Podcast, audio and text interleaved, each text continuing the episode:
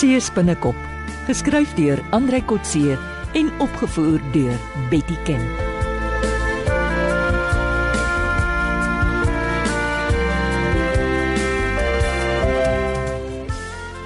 Kan julle dit glo? Wat nou? Daar was niks. Niks wat nie. Skutte sê daar was nie een enkele perlemoen op die stroper se rubberboot. Ek glo dit nie. Het seevissery die regte boot deursoek? Bobby se boot, die Tarantula.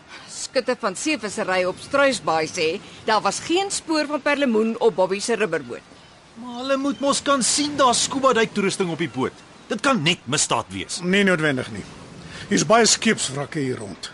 Fortuinseekers hou daarvan om by ou wrakke rond te snuffel. Maar Bobby lyk nie soos die soort wat ou skeepswrakke soek nie. Ek verstaan nie waaroor gaan al die bohaai. O, ekskuus Ina, jy weet nie van die perlemoenstropery nie. Weiland en Johan het vroeër hier vlak by die kus vis gevang toe hulle 'n boot vol duikers gewaar wat perlemoen stroop. Ja, oop in bloot. Hulle het dit nie eens probeer wegsteek nie. En wie is Bobby? Die leier van die stroopers, veteraan skipper, het jare 'n vissersboot met bemanning gehad. Hy het nou die dag sy skieboot verkoop en 'n rubberboot gekoop. Ja, sy bemanning is nou jong duikers, tieners. Hulle lyk nie na vissers nie. Ja, hulle kan seker 'n paar visse skiet vir sport of vir die tafel, maar dit kan nooit daardie bemanning se loone betaal nie. Hulle moet met onwettigheid besig wees. En ek gaan dit nie daar laat nie. Ek gaan weer met skutte praat. Bobby en sy mense is skurke en almal weet dit. Hulle sit vir seevissery oral. Ag, los die stroopers, Christine. Hulle sal hulle self in hulle eie netwerke vasdraai. Dit sal die dag wees. Iemand moet hulle takel. Ek het nie geweet Tannie is so groen nie. Groen, wat bedoel jy? Mal oor natuurbewaring. Ek dink my tante is 'n huuragent wat akkommodasie verskaf. Dis wat ek behoort te doen. Ja, maar almal op hierdie plek is so gefrik. Hier sit twee uitslike uitgegroeide mans op hulle blakers en doen niks aan die probleem. Stadig, Christine, niks goeds kom van oorhaastigheid nie. En nog minder kom van agteroor sit en kyk hoe skelms en skurke die see kaal stroop. Ek gaan nou dadelik vir skutte sien. Ja, wel, dankie vir die bier. Ek gaan nou was en skoon aantrek. sien?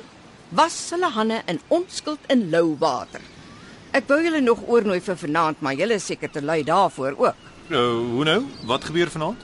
Ina se verwelkoming. Ha, dan is ons in. Of hoe Johan? Jy vra nog.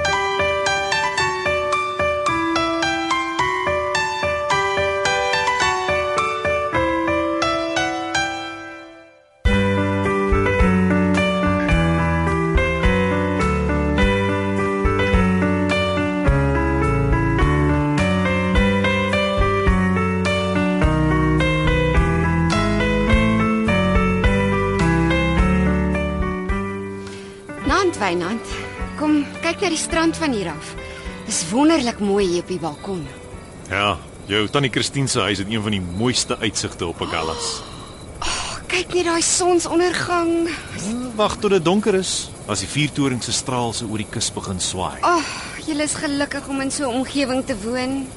Ons is nog gelukkiger omdat jy by ons aangesluit het. uh, hoe lank gaan jy bly? Wel, dit gaan afhang of ek 'n onderwyspos hier naby kan kry. Uh, ek hoor jy werk voorlopig by die dokter se spreekkamer. Ja, tannie Christine het vir my 'n halfdag werkdag gekry.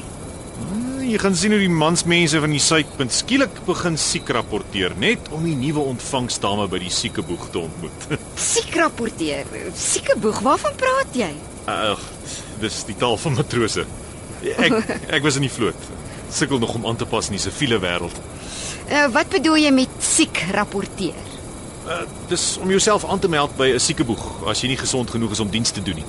Ek neem aan daar's 'n sieke boeg op al die skepe. Op die grootes ja, 'n skeepsdokter ook, maar ek praat nou van 'n siekeboeg op die basis. En is daar 'n dokter by die sieke boeg? Gewoonlik soms net 'n suster of 'n ontvangsdame. Klink vir my of daar baie loodswaaiers is wat eerder siek rapporteer as om te werk. Hm, soms as hulle nie wil see toe gaan nie of as daar 'n mooi suster of 'n uh, ontvangsdame is. So jou opmerking was 'n kompliment en ek het dit nie eens gevang nie. Dalk het ek te veel verwag. As daar 'n nuwe dame by die siekeboeg is, loop die storie vinnig deur die basis. O, almal wil die nuwe talent sien. Presies. En die maklikste manier is om siek te rapporteer. Maar hulle sal mos uitgevang word. Veral as hulle nie werklik siek is nie. Die dokter sal dit mos agterkom.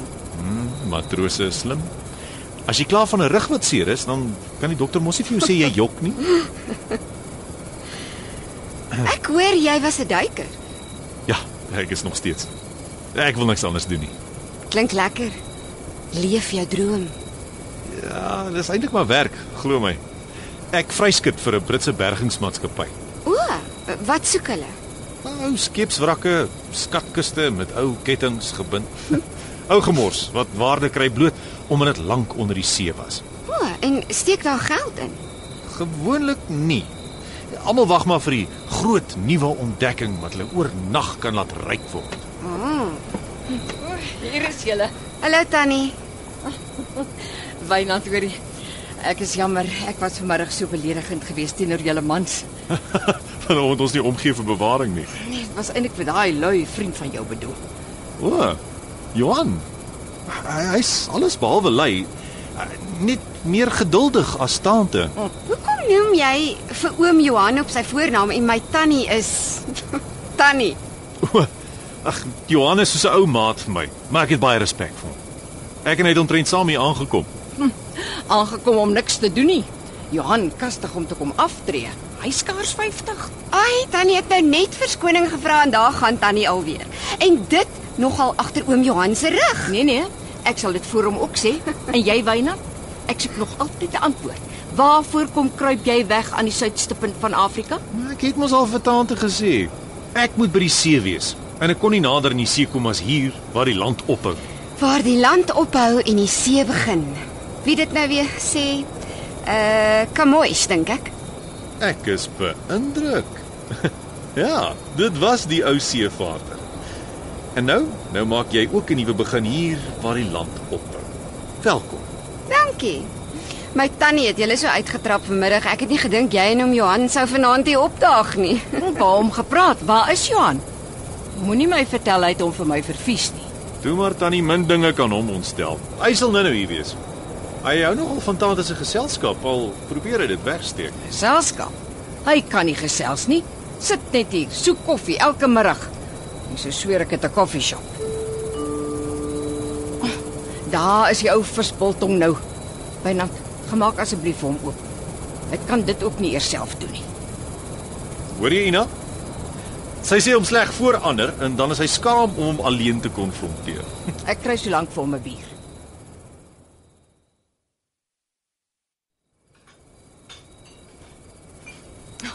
En toe sê skutte vir my boonop, ek moet oppas.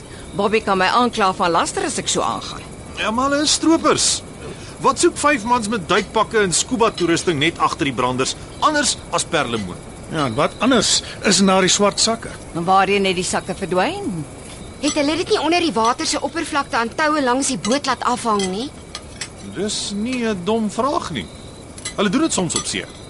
Maar in die hawe sal die inspekteurs die sakke sien. Hulle moes dit eers afgegooi het. Miskien omdat ons hulle gesien het, het hulle besluit om die hele vrag in die see te gooi. Mm, Nie sommer nie. Daar's te veel werk gedoen om soveel perlemoen weg te gooi. Hulle het dalk die dompelplek met 'n GPS-lesing gemerk. Ja, dis moontlik. Dan gaan hulle môre om dit uit te vis. Ek sal hulle met my teleskoop dophou. Maar hulle moet dit tog een of ander tyd by die hawe aan land bring of hoe? Nie noodwendig nie. Hulle kan dit naby die kus tussen rotse aflaai en later met 'n voertuig kom haal. Hulle kan dit ook elders op die boot versteek.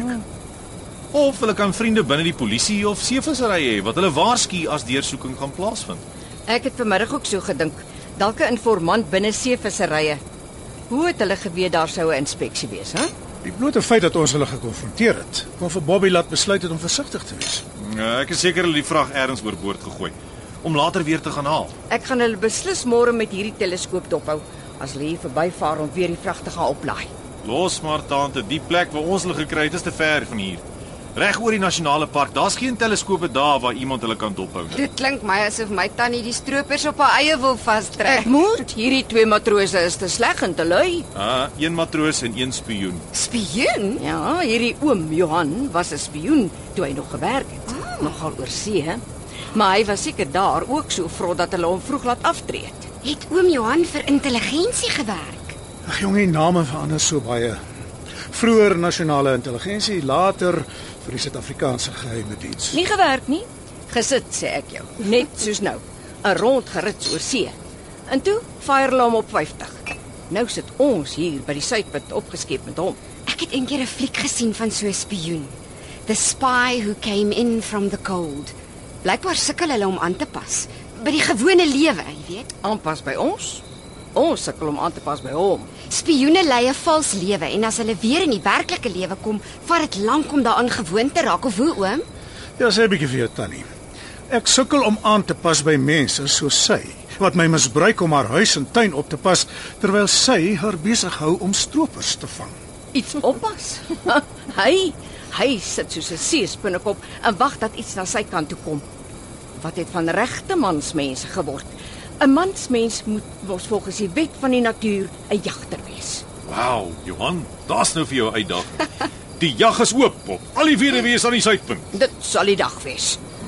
Mooi vrou is altyd 'n teiken. Ek is nie in die mark nie, dankie. Ek soek net 'n bietjie energie van goggas soos Johan in plaas daarvan dat hy hier in sy spinnerak kom sit en wag dat die vlee na hom toe kom. Nou wat op aarde verwag jy van hierdie gogga, Christine? Ek verwag dat jy polisie toe gaan en 'n klag gaan lê teen die stroopers. Dis wat. Maar verskoon my. Ek moet antwoord. Hallo, Wynand Meyer hier. Meyer, is jy nou tevrede? Wie praat? Dis Bobby Jackson. Die ou wat jy gaan verklaar by seevisserye. Wat wil jy hê, Bobby? Net vrede, Meyer. Ek hoop jy's nou tevrede dat Bobby en sy crew net vrede liewende duikers is. Ek maak nie vrede met stroopers nie, Bobby. Jy hoef nie. Ek waarsku jou net. Ek vergeet my vriende, maar ek onthou my vyande. Dan kan jy maar van my vergeet. Ek eet nie jou perlemoen nie. Dis jou keuse. Bly net ver van my af weg. As ek en my crew jou weer naby ons op see kry, skiet ek jou boot vol gate. En dis nie 'n ydelle dreigement nie. Is jy alright, Wynand? Ja, dis sommer net. Dis ons vriend Bobby. Hy dreig my dat ek moet wegbly van sy boot. Nou het jy dit nou, Christine. Dis nie so 'n slegte idee om soos 'n spinnekop net te sit en wag nie. Die vliee kom van self na jou toe en hulle bel jou nogal om jou te sê. Ja, ek is net nie seker of dit 'n vlieg of 'n brommer of 'n perdeby is nie, maar een ding is seker. Hier kom 'n oorlog.